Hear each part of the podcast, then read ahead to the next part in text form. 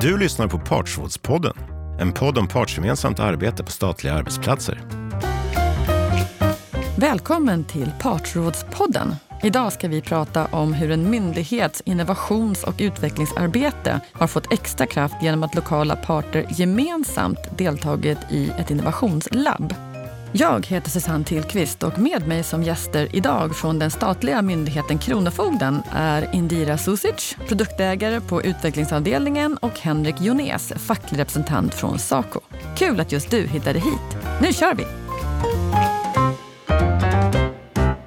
Förra året, eh, 2019, så genomförde Partsrådet två innovationslabb Möjlighet gavs till myndigheter och verksamheter inom det statliga avtalsområdet att partsgemensamt delta i en tvådagars aktivitet för att lära sig grunderna i innovationsmetoden design thinking. Kronofogden var en av de myndigheterna som valde att delta vid båda tillfällena och vi bjöd in två partsrepresentanter från myndigheten för att få veta mer om deras erfarenheter. Så varmt välkomna till Partsrådspodden säger jag till Indira och Henrik. Tack så mycket. Tack så mycket.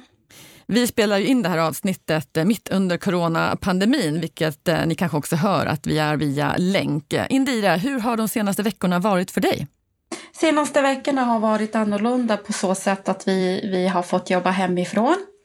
Eh, vi har ju även ersatt alla de här småmötena som vi brukar ha på kontoret där vi springer upp och ner för trappan och träffar kollegorna för att prata ärende har ersatts med eh, korta Skype-möten och avstämningar. Det är de två stora skillnaderna som jag skulle kunna identifiera. Annars så tycker jag att vi har arbetat på, tagit vårt ansvar och eh, kunnat leverera det som vi har bestämt att vi ska göra och eh, inte haft alls så stort sjukfrånvaro vilka har bidragit till att vi har ju kunnat eh, vidmakthålla våra system och produktionen på så sätt som vi har tänkt oss. Mm.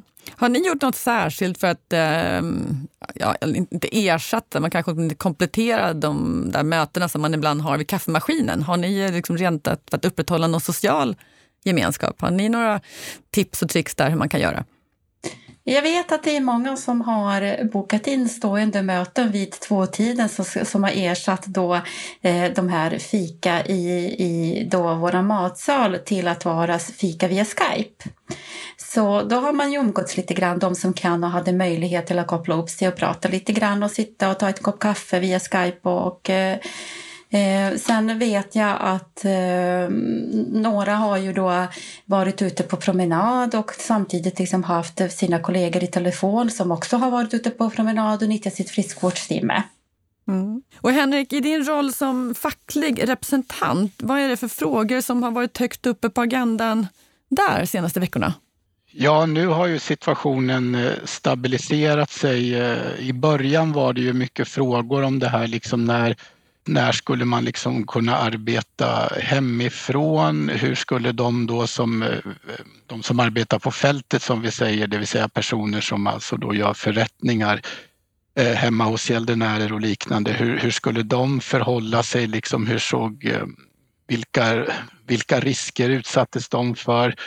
Ehm, det var, det var liksom lite, lite oroligt och mycket frågor på myndigheten första veckorna. Men, men eh, allt det där som jag upplever har, har eh, landat nu.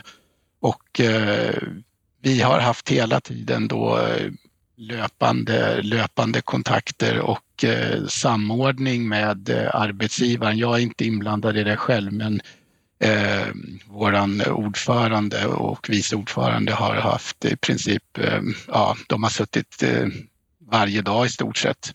Så att myndigheten som jag upplever det har, har löst det här på ett, eh, ett så bra sätt som har varit möjligt då och den här svåra eh, avvägningen mellan då, vad ska man säga, personalens eh, trygghet och att verksamheten ändå ska fungera och hålla igång.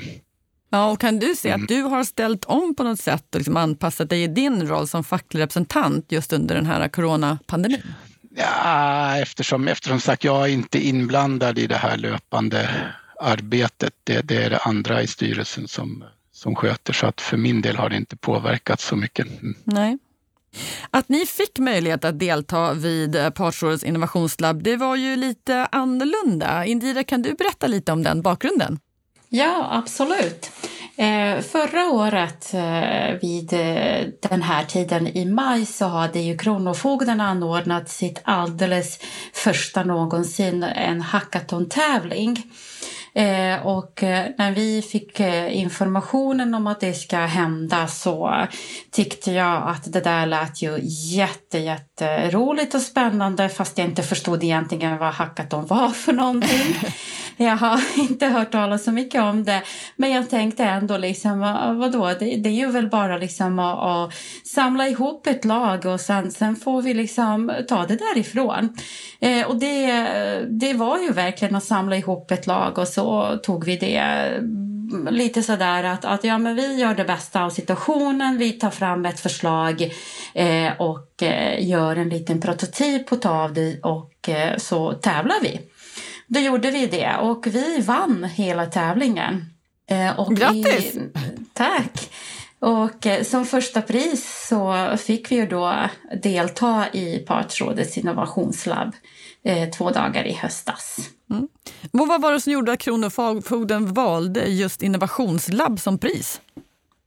Vi har ju ett innovationsteam på myndigheten som eh, har tidigare gått då er utbildning och som tyckte att det var ett fantastiskt bra tillfälle och en väldigt stor kunskapshöjande utbildning som de absolut ville att flera på myndigheten skulle få ta möjlighet att gå. Eh, och det var ju det som bestämdes till slut att det skulle vara då första pris för oss som vann hackathon. Innovationslabbet var ju en aktivitet där partsrådet ställde krav på att deltagandet eh, måste vara partsgemensamt. Vad betydde det, Indira, för myndigheten att ni deltog partsgemensamt? Vi tyckte att det var väldigt, väldigt roligt och otroligt eh, kul att, att vi då när vi fick veta att vi ska delta på Partsrådets innovationslabb, att vi även ska ta med oss en facklig representant.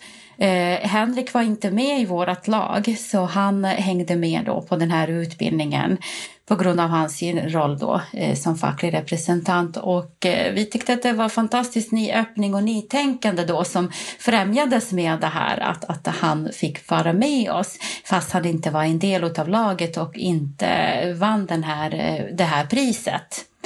Eh, så vi försöker på myndigheten arbeta väldigt mycket eh, över gränserna. Och det här är ju också en, eh, ett väldigt bra bidrag till att eh, vi ska, går mot det målet som myndigheten har. Då, liksom att vi suddar bort de här gränserna, vi och dem, utan att vi mer gemensamt tittar på liksom, vilka personer som ska involveras i vilka arbeten och hur vi kan liksom, eh, kompetensbredda på alla fronter. Mm. Och Henrik, det faktum att ni deltog partsgemensamt, har det haft några andra effekter vid sidan av att ni lärde er en innovationsmetod? Kanske inte som man, man kan se på så här relativt eh, kort sikt, men eh, vi ser det ju naturligtvis som positivt från eh, de fackliga organisationernas eh, sida att, eh, att arbetsgivaren visar, visar det här intresset att eh, att eh, samverka i frågor som, som rör då verksamhetsutveckling och eh, innovation. Och vad, vad, vad betyder det för dig då personligen, Henrik, att få genomföra labbet så tillsammans med andra medarbetare? Jo, men det, det var ju eh, jätteroligt och intressant och ansluter till sådana. Jag jobbar ju med systemutveckling och eh, definitivt eh, väldigt stimulerande och intressant på alla sätt. Mm. Den metod som Innovationslabbet fokuserade på det var design thinking. Eh, vad var det som var nytt för dig, Indira, med just den metoden? Det som var mest nytt för mig och som lämnade en, eh, ett stort intryck på mig som jag än idag eh, bearbetar liksom och försöker förstå hur kunde det bli så där eh, var ju just det här med eh, empatin, det här första steget med att, att eh, intervjua folk och ta reda på deras behov eh, och identifiera de här undermedvetna behoven som de har. Eh, när vi vi fick den här uppgiften, förberedande uppgiften, så gjorde vi ju då eh, i den här eh, mallen eh, allt som vi hade tänkt oss att vi skulle kunna göra och vi var ju väldigt bestämda i att vi hade en lösning, att vi visste precis vad problemet var för någonting och eh, att vår lösning den kommer minsann att hålla. Men vi fick ju även uppgift om att boka in lite intervjuer med personer som vi Eh, trodde skulle kunna hjälpa oss att förstå problematiken och med olika bakgrunder. Och det var ju just under de här intervjuerna, när vi gjorde dem och när vi samlades vid bordet tillbaka i gruppen och satte oss och tittade igenom vad hade vi fått fram för svar och reflekterade över detta så förstod vi liksom att Nej, den lösningen vi hade, det var inte alls det. det. Det här var ju helt fel. Det var inte alls det behovet som vi hade identifierat skulle liksom eh, hjälpa till att lösa det här problemet. Utan behovet är ju någonting helt annat. Vilket ledde oss också till att vi byggde någonting som var något helt annat än vi har tänkt oss för lösning och gav oss mycket nya input och vi var jätte, jätte innovativa. Vi byggde en lösning som, som var verkligen så wild and crazy men som absolut inte är tokig på något sätt och som går i linje med samhällets eh, innovation idag och utveckling. Mm. Vad härligt att höra din entusiasm, jättehärligt. Ja, ja, det... ja, jättehärligt. Eh, Henrik, vad var ditt största intryck av Innovationslabbet? Ja, men det, mycket stämmer med, med det Indira säger. Sen, sen kände jag liksom för egen del att de här, eh, de här teknikerna att eh, liksom tänka brett, att inte snäva in sig i, i, liksom, i föreställningar redan från början om vad det är man ska åstadkomma och hur det ska lösa. Har, eh, det har ett väldigt stort, stort värde för jag känner ju, jag känner ju själv att jag, jag har den tendensen att, eh, att dra åt att eh, ja men okej nu, nu, har vi fått, eh, nu har vi fått en begäran om att det här och det här ska åstadkommas och sen så utgår man från det och, och tänker, tänker liksom inte fritt, tänker inte så innovativt. Eh, jag känner att det finns eh, mycket att lära av det här och eh, eh att försöka låta det här förhållningssättet genomsyra Eh, både verksamhet och systemutveckling på myndigheten. Det finns stora vinster att göra med det. Mm. Och design thinking handlar ju väldigt mycket, precis som ni båda själva har sagt, att liksom se på eh, både problem och lösningar utifrån användarens perspektiv. Jag tänkte Henrik, den här liksom metoden, eller att, att få ha varit med, har det fått dig att se annorlunda på liksom, er rollen som myndighet? Nej, kanske inte annorlunda utan snarare så bekräftar den, den, den liksom min syn på myndigheter att myndigheter ska vara offensiva och innovativa, ta initiativ till eh, förändring, kontakta liksom regeringen när vi ser att, att saker inte fungerar och, och eh, kan göras bättre. Det ser jag som en väldigt viktig del av myndigheternas uppdrag att, eh, att göra på det på det sättet eh, och inte liksom eh, vara ängslig för att man klampar in i den politiska demokratins eh, område till exempel. Mm. Och på vilka sätt, om några, tänker jag, Indira, har deltagandet kommit myndigheten till del? Just nu så kan jag inte påstå att det har kommit så mycket till myndigheten till del eftersom vi håller på eh, och trampas fortfarande med och har gjort det de senaste fyra åren med ersättning av vår stordator. Så det är ju väldigt mycket, hela utvecklingen på myndigheten är ju präglad av att vi måste först göra det här och sen kan vi då börja tänka nytt. Men vi har ju samtidigt väldigt mycket pågående eh, arbete med utvecklingsarbete och, och invävt innovation i det såklart.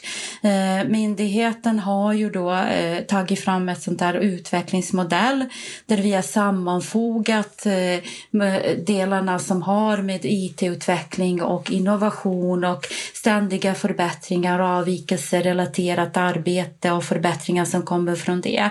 Eh, och allting sånt har ju nu förberetts och det har ju pågått väldigt mycket arbete med detta under tiden som vi har hållit på med att ersätta stordatorn. Mm. Och vad, vad gör du Indira då för att hålla liksom erfarenheterna och eh, lärdomarna från innovationslabbet eh, levande för dig personligen? Alltså jag försöker ju tillämpa de här, i min roll som produktägare så eh, ingår jag i de här operativa kärngrupperingar som vi kallar dem för, där vi arbetar med de här förbättringsförslagen som kommer från verksamheten eller som kommer från våra strategiska mål på myndigheten och sånt. Så när vi arbetar med dem och försöker förstå dem så försöker jag ju tillämpa då eh, delar och utifrån eh, innovationslabbet och det praktiska arbetet som vi har genomfört med vårt eh, bidrag där som vi har hållit på med i de två dagarna. Genom att till exempel våga ställa de här frågorna eh, som är lite mer forskande, genom att ta tid, eh, ta vara på och prototypa tidigare, verkligen sätta check för att jo men är vi på rätt väg? Våga tillämpa fullt ut det här agila arbetssättet genom att stanna upp liksom och dema och verkligen få användarnas check på att vi har tänkt rätt och våga backa då och säga liksom, men det här blev inte helt rätt. Vad har vi gjort för fel? Hur kan vi göra bättre? Jag tänkte höra med dig, eh, Henrik. Har, kan du se att eh, parterna på något sätt eh, involveras i ert innovationsarbete på ett annat sätt? Kanske inte enbart efter innovationslabbet, eh, men som en del av hela ert utvecklingsarbete?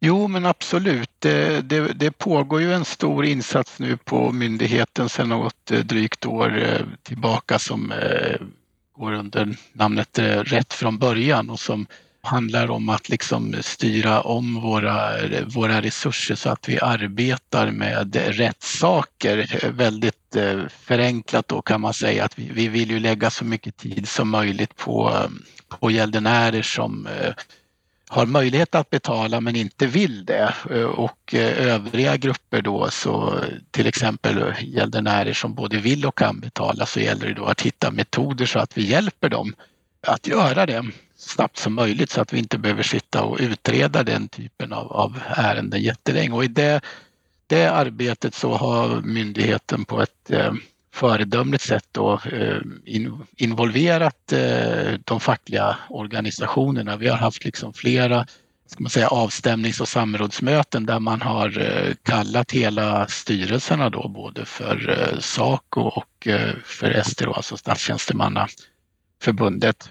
Och verkligen upplever jag då som har varit med på dem haft en, en, en öppen diskussion. Rikskronofogden har deltagit själv på de möten också. Så där. Eh, så jag tycker att det finns en, en, eh, en bra sångkultur och en, en vilja att involvera oss också. Mm, vad roligt att höra. Mm.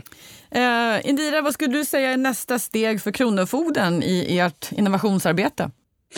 Ja, det skulle ju nog vara då att, att uh, sätta punkt för den här ersättningen av den här stordatorn som ska vara avklarad då nu till midsommar och sen bara blicka framåt, plocka fram alla de här initiativen som vi har, de här förbättringsförslagen, titta igenom, uh, våga vara nyfikna och eh, våga prova oss fram och verkligen, verkligen liksom implementera allt det här enorma kunskapen och ta vara på den som vi har på myndigheten som har gått den här utbildningen och massor med andra utbildningar och eh, erfarenheter som mina kollegor har.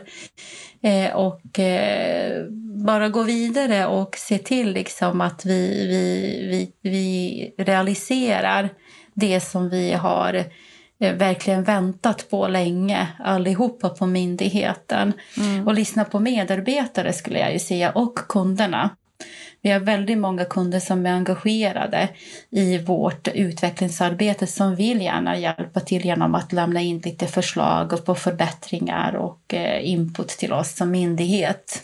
Mm. Och det ligger också helt i linje med metoden design thinking, tänker jag.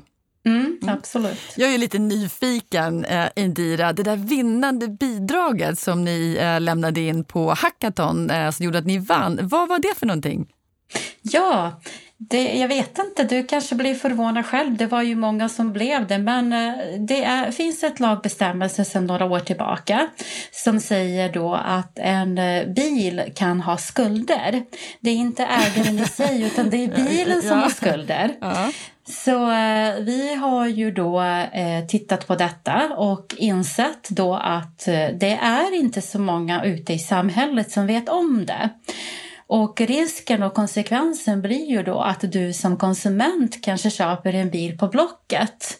Och om inte du känner till det här och köper den här bilen och bilen har ju då eh, obetalda skatter så får du då liksom en bil med skulder, vilket innebär i sig att Kronofogden kan ju då utmäta den här bilen för de obetalda skulderna. Fast det är inte du som har, som har orsakat dessa. Det är inte du som, har, som inte har betalat, utan det är den som du har köpt bilen ifrån.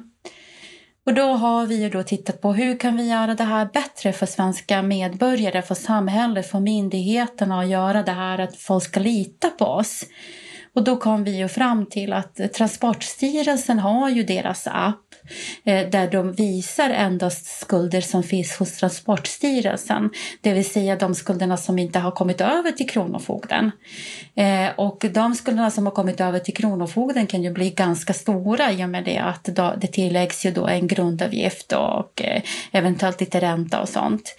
Eh, och då har vi ju föreslagit då att vi ska utveckla en gemensam applikation eller gemensam tjänst för medborgare där man ser då samtliga skulder, inte bara de hos Transportstyrelsen utan även att det finns skulder hos Kronofogden. Så att jag vet när jag köper en bil, okej, okay, ja, men den här bilen är ju skuldfri hos Kronofogden, det finns ingenting hos Transportstyrelsen heller. Mm. Eller tvärtom då. Mm. Tänk vad enkelt och samtidigt så otroligt smart. Ja, ja, ja, jätteroligt. Avslutningsvis så tänkte jag fråga er var och en, eh, vilka lärdomar skulle ni vilja skicka vidare till lokala parter som lyssnar på den här podcasten? Och då tänker jag ju främst då på det faktum att ni deltog på det här innovationslabbet. Eh, Henrik, vill du börja? Ja, nej, men att eh, har ni inte gått till innovationslabbet så, så gå, till, eh, gå tillsammans. Eh, det kan ni förhoppningsvis ännu mer då stärka Eh, det här att, eh, att det här är någonting som man, man ska samverka till. Eh, man har ett gemensamt intresse i de här frågorna och det finns liksom absolut ingen, ingen anledning att se på varandra som motståndare i det här. Så det, det hoppas jag att andra myndigheter kan se på samma sätt och naturligtvis så att man också utnyttjar sin, de samverkans rutiner och organisationer som man, man redan har uppbyggda. Mm. Eh, och sen tänkte jag också på att eh, alltså innovation kan ju ske både i stort och smått. Eh, det kan vara, man kan ju lätt fastna idag i att det måste vara, vara saker som involverar IT-stöd och IT-funktionalitet, men det behöver det ju inte alls vara. Det kan ju vara arbetsrutiner man gör om som kan liksom göra stor skillnad Spännande. Och eh, du då Indira, vilka lärdomar skulle du vilja skicka vidare? Eh, jag skulle vilja säga eh, att det, först och främst så är det en fantastisk rolig utbildning. Eh, man lär sig så himla mycket och just den här känslan som jag förmedlade lite tidigare här är ju just den här aha-känslan och förståelse för att man, man kan inte bygga någonting och få fram någonting på 24 timmar och, och stå bakom det liksom och vara fast besluten men det här är ju det som är lösningen. Man måste gräva, man måste vara innovativ och man måste våga. Man måste våga prova även de eh, tokigaste idéerna som man aldrig annars skulle kunna tänka sig att göra. Så våga vara nyfikna, våga liksom titta framåt, våga vara öppna och gå den här utbildningen. Den är ju fantastisk. Mm. Vilket härligt sätt att avsluta den här podcasten tycker jag. Tack så hemskt mycket Indira och Henrik för att ni var med idag. Tack, Tack så mycket. Vad härligt att höra från två nöjda deltagare som Indira och Henrik om deras lärdomar från Partsrådets innovationslabb och hur de tar med sig dessa in i sin vardag på Kronofogden. Medskickad från Indira att vara empatisk och faktiskt ta reda på användarnas behov och hon pratade om deras omedvetna behov. Behov som kommer fram först efter man frågar och sen frågar igen. Henrik nämnde vikten av att tänka brett, att inte snäva in sig i föreställningar från början om vad man ska åstadkomma eller hur man ska lösa något. Och det har nog de flesta av oss erfarenheter av att vi så gärna går rakt på lösningen när en stor del av lösningen faktiskt ligger i att just borra sig djupare ner i problemet. Som Indira sa, man måste gräva. Man måste våga prova även tokigaste idéerna som man aldrig annars kanske skulle göra. Jag tar också med mig Henriks medskick att myndigheter ska vara offensiva, ska vara innovativa och ta initiativ för att åstadkomma förbättring. Det kommer ju ofta hela samhället till del, tänker jag. Sen var det ypperligt informationsrikt att få reda på att en bil kan ha en skuld. Väl värt att veta inför ett kommande bilköp. Så finns det en viktig lärdom från Indira och Henrik så är det våga vara nyfiken, våga vara öppen, våga innovera och gärna partsgemensamt. Tack för att du lyssnar. Du har lyssnat på Partsrådspodden. Partsrådspodden är en podcast från Partsrådet, en ideell organisation som består av arbetsgivare och fack på central nivå inom staten. Tillsammans erbjuder vi verktyg för ett bättre arbetsliv, bättre lönebildning, bättre arbetsmiljö, bättre samverkan och bättre utveckling på statliga arbetsplatser. Vill du veta mer? Besök vår hemsida, partsradet.se.